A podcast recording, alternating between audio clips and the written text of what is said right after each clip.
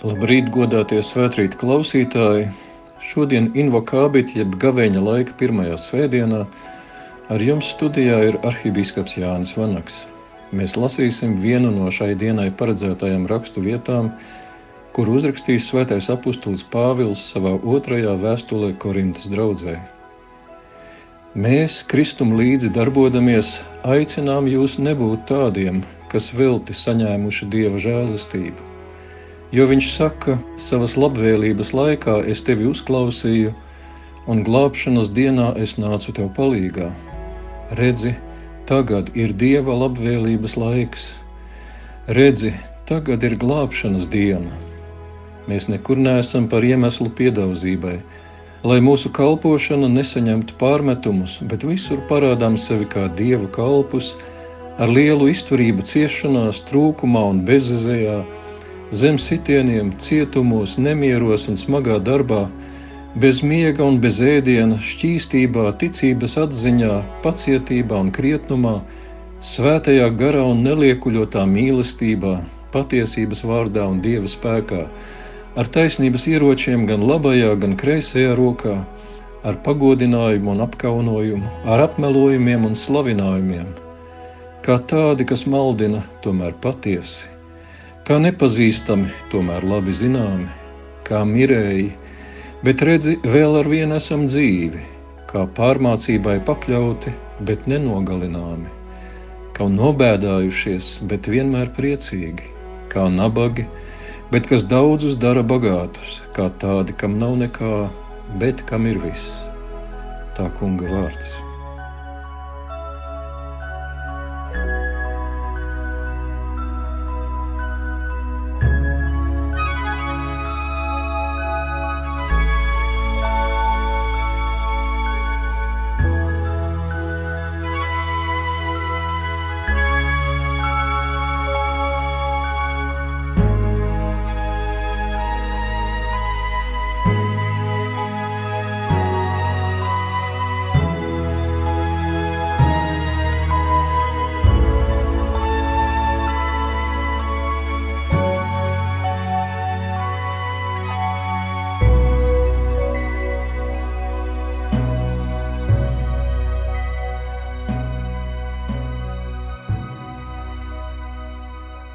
Svēto rakstu lasījumu vai sprediķi bieži noslēdz ar āmen, un draugi atsaucas āmen. Pirmskara Latvijā daži mācītāji, kas vēlējās dievkalpojumus pilnīgi latviskot, āmen vietā teica patiesi. Āmen nozīmē, jā, es piekrītu, tā tiešām ir. Vai uz nu pat nolasītajiem apstuļu Pāvila vārdiem mēs varam teikt savu āmenu? Kad viņš saka, redzi, tagad ir dieva labvēlības laiks, un redzi, tagad ir glābšanas diena, vai mēs teiksim, jā, es piekrītu, tā tiešām ir. Ielūkojoties savā sirdī pēdējo dienu laikā, daudzi drīzāk teiktu, nē, es nepiekrītu, tā nu galīgi nav. Paskatieties, kas notiek ar gāzes un degvielas cenām, un droši vien būs vēl ļaunāk. Sankcijas pret Krieviju skars arī mūs, un ja Ukraina kritīs, Putins nāks pēc mums. Daudzus tik ļoti jau nodarbina šīs domas, ka ne vairs miega, ne vairs darba, apziņa ir ļauno nojausmu gūstā. Kāds tur vēl dieva labvēlības laiks. Taču mēģināsim vispirms palūkoties apkārt uz savu situāciju, un tad pašķirt nākamās nodaļas otrajā korintiešu vēstulē, lai redzētu Pāvila situāciju, kurā viņš runā par glābšanas dienu. Viņš raksta, ka Es esmu smagā darbā, daudz vairāk nekā viņi, cietumos daudz vairāk, šaustīts pāri mēram, nāves briesmās tik bieži. No jūdiem pieckārt esmu saņēmis 40 sitienus bez viena, trīskārt esmu pērts ar rīkstēm, vienreiz esmu nomētāts ar akmeņiem, trīskārt esmu cietis kuģa avārijā, diennakti pavadīju ūdenī atklātā jūrā Bieži esmu bijis ceļa grūtībās, briesmās šķērsoju upes, laupītāju apdraudēts, savas paša tautas apdraudēts un pagānu apdraudēts.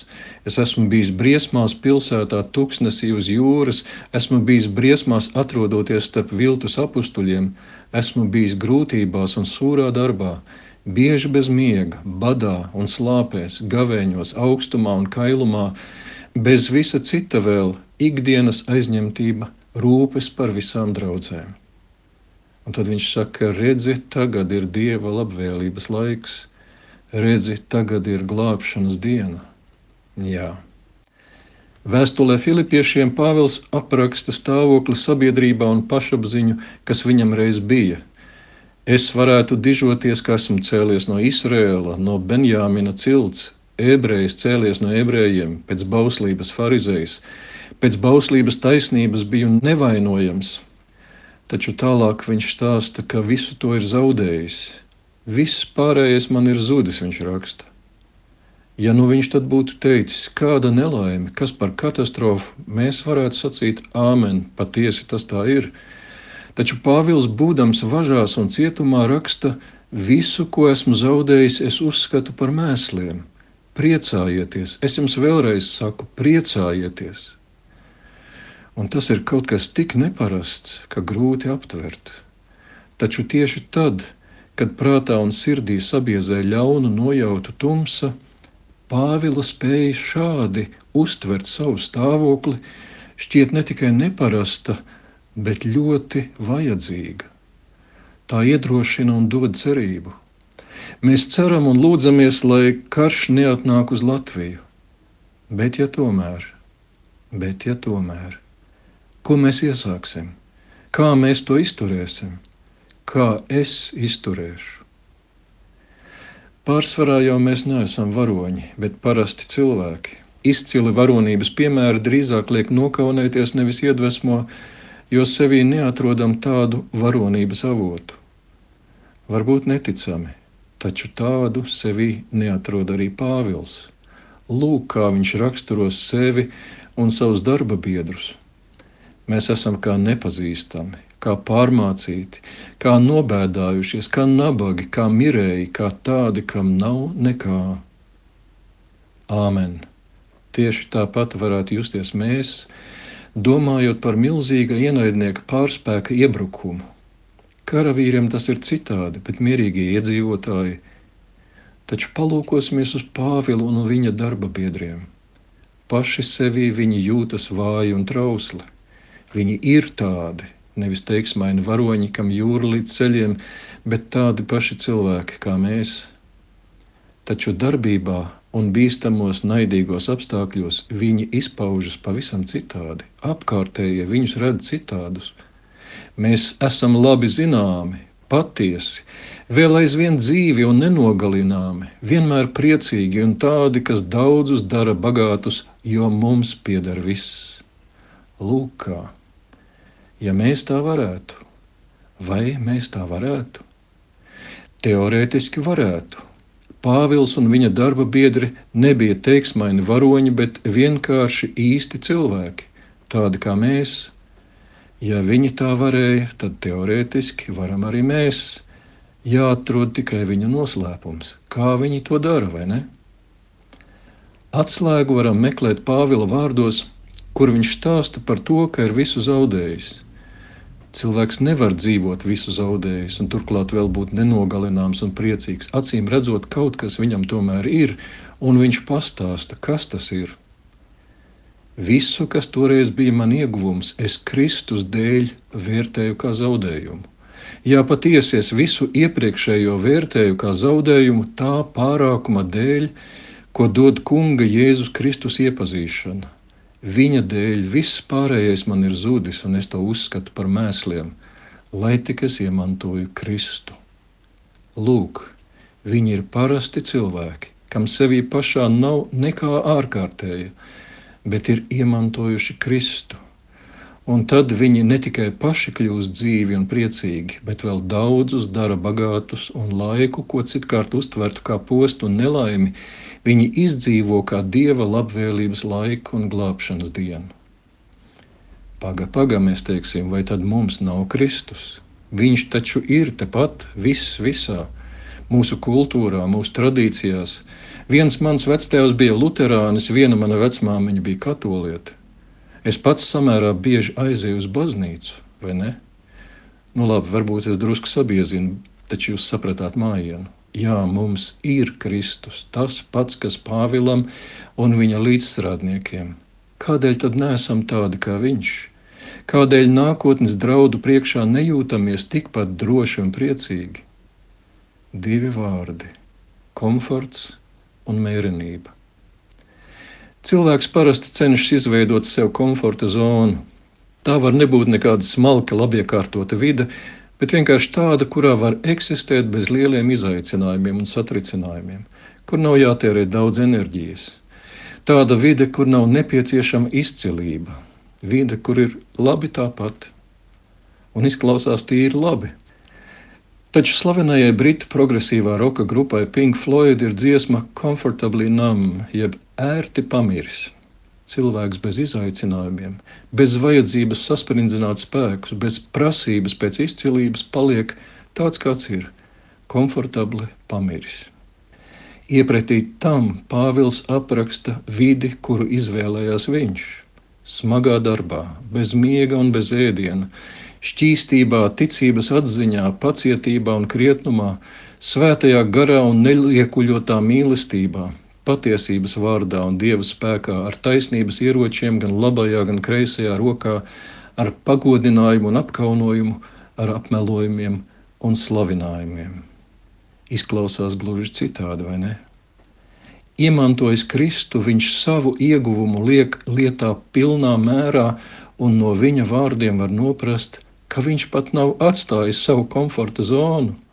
Viņš to ir paplašinājis Viņa komforta zona tagad ietver arī to, no kā cilvēki tā baidās, kas sastingst kā pelīte čūskas priekšā. Ja mēs gribam justies tā kā viņš, tad arī mums jāsāk paplašināt savu komforta zonu. Kā to dara? Tiecoties pēc izcilības tajā, ko esam iemantojuši Jēzu Kristu. Nu pat ir sācies lielais gavēnis, īstais laiks, kad tiekties pēc garīgas izcilības. Lielais gavēnis ir gada desmitā tiesa, kura pienākas dievam un kuru vajag mēģināt nodzīvot saskaņā ar saviem augstākajiem ideāliem, saviem kristīgajiem ideāliem. Iztēloties, kāda varētu būt mana ideālā svētdzīve, varbūt pat atgādinājumam uzrakstītos papīru un mēģināt tā dzīvot veidot tik tuvas un personīgas attiecības ar Dievu, cik vien spējam. Ar ko sākt? Parasti visu sāk ar vietas sakopšanu, ar tīrīšanas darbiem. Ļoti noderīgs vingrinājums ir dienu noslēgt ar izvērtējumu. Atrast 20 minūtes mierā un vienatnē, lai svētā gara gaismā izstaigātu aizvadīto dienu. Kur es biju tuvāk savam ideālam? Kur manai dzīvē pieskārās Dievs? Ko es darītu tad, kad sajūtu dieva dzīvi ieplūstam manī? Un tad pateikties dievam un apņemties to darīt vairāk. Tad vēlreiz atcerēties dienu un pamanīt, ko es darīju brīžos, kad sajūtos tālāk no dieva, ar ko viņu apbēdināju, ar ko es pats sev neļauju pilnīgāk iemantot Kristu, par to izlūgties piedošanu un apņemties tā darīt mazāk. Un ievingrinoties tā, izmeklēt savu dienu, mēs līdzīgi varam izmeklēt pavadīto nedēļu, mēnesi, gadu vai visu dzīvi un nest to priekšā, izsūdzot grēkus un saņemot absolūciju, jeb grēku piedošanu.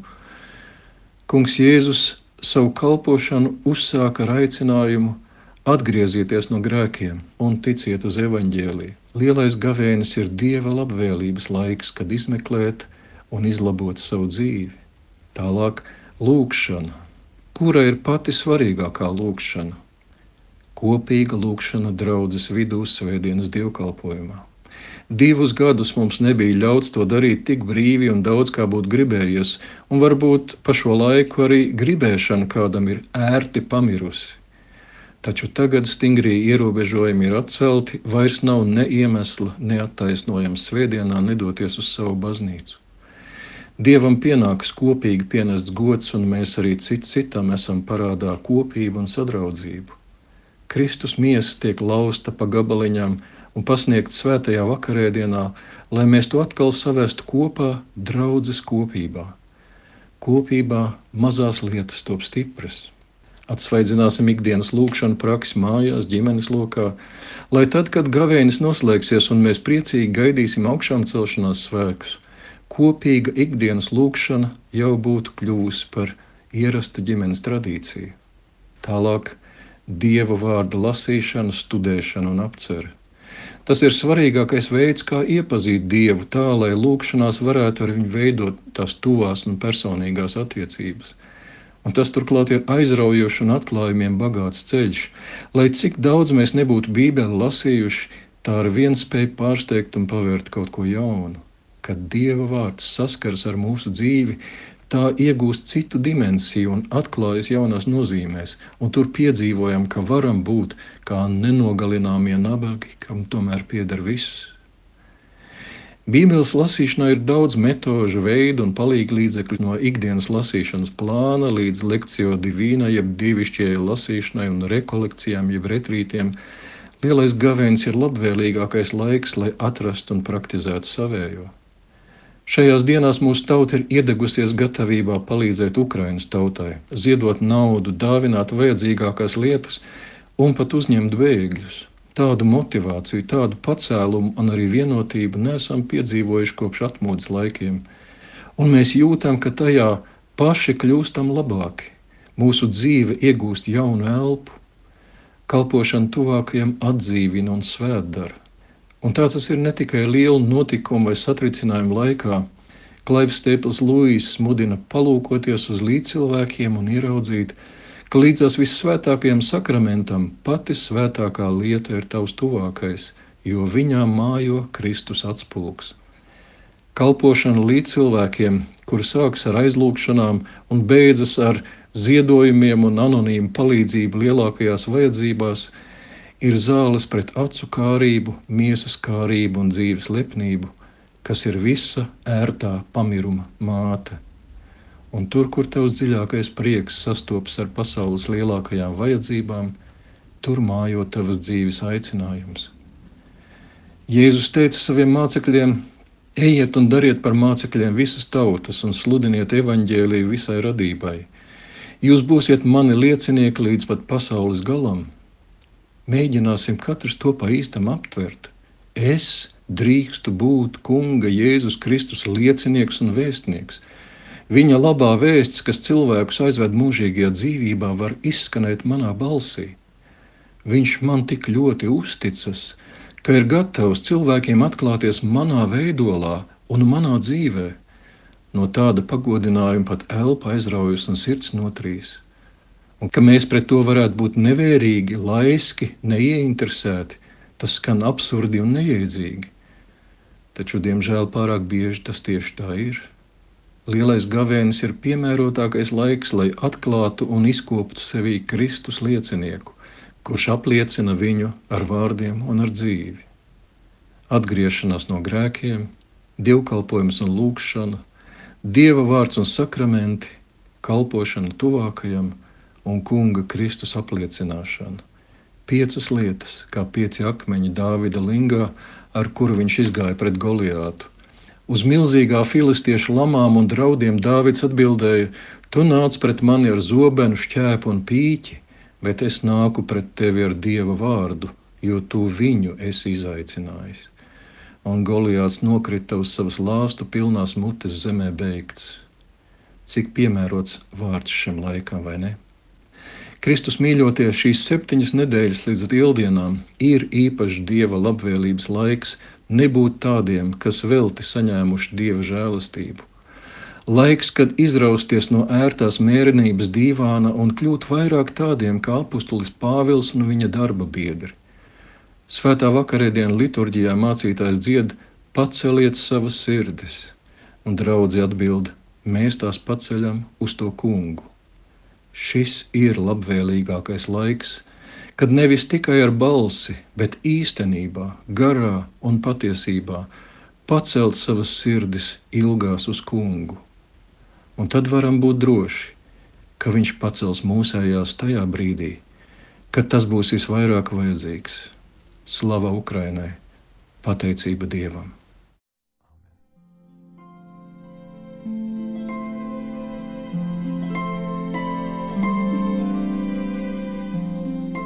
Lūksim Dievu tā, kā uz to šajā svētdienā mūs ir aicinājuši brāļi un māsas Latvijas pareizticīgajā baznīcā. Kungs Jēzu Kristu dzīvā Dieva dēls, kas cilvēku pestīšanas labad pārcieta krustu un nāvi, nokāpa ellē, uzņēmies trīs dienas gulēt kapā, uzvarēja nāvi, satriecis sātanu un iznīcināja savstarpējo ienaidu. Pieņem tavu pazemīgo kalpu lūgšanu, kas nožēlā un ar satriektu sirdi sauc uz tevi par naidu un ienaida pārtraukšanu, par asins izliešanas pārtraukšanu Ukrainā, par kara nepieļaušanu Eiropā un visā pasaulē. Ak, visu žēlīgais kungs, kas cilvēku dzimumam esi dāvinājis mieru, apdzēs visas nesaskaņas un strīdus, remdē naidnieku ļaunumu. Svētī ar mieru un labklājību tos, kas tevi lūdz un dāvās samierināšanos visiem ienaidniekiem mieru, klusumu, savstarpēju cieņu katram cilvēkam, katrai tautai un katrai valstī.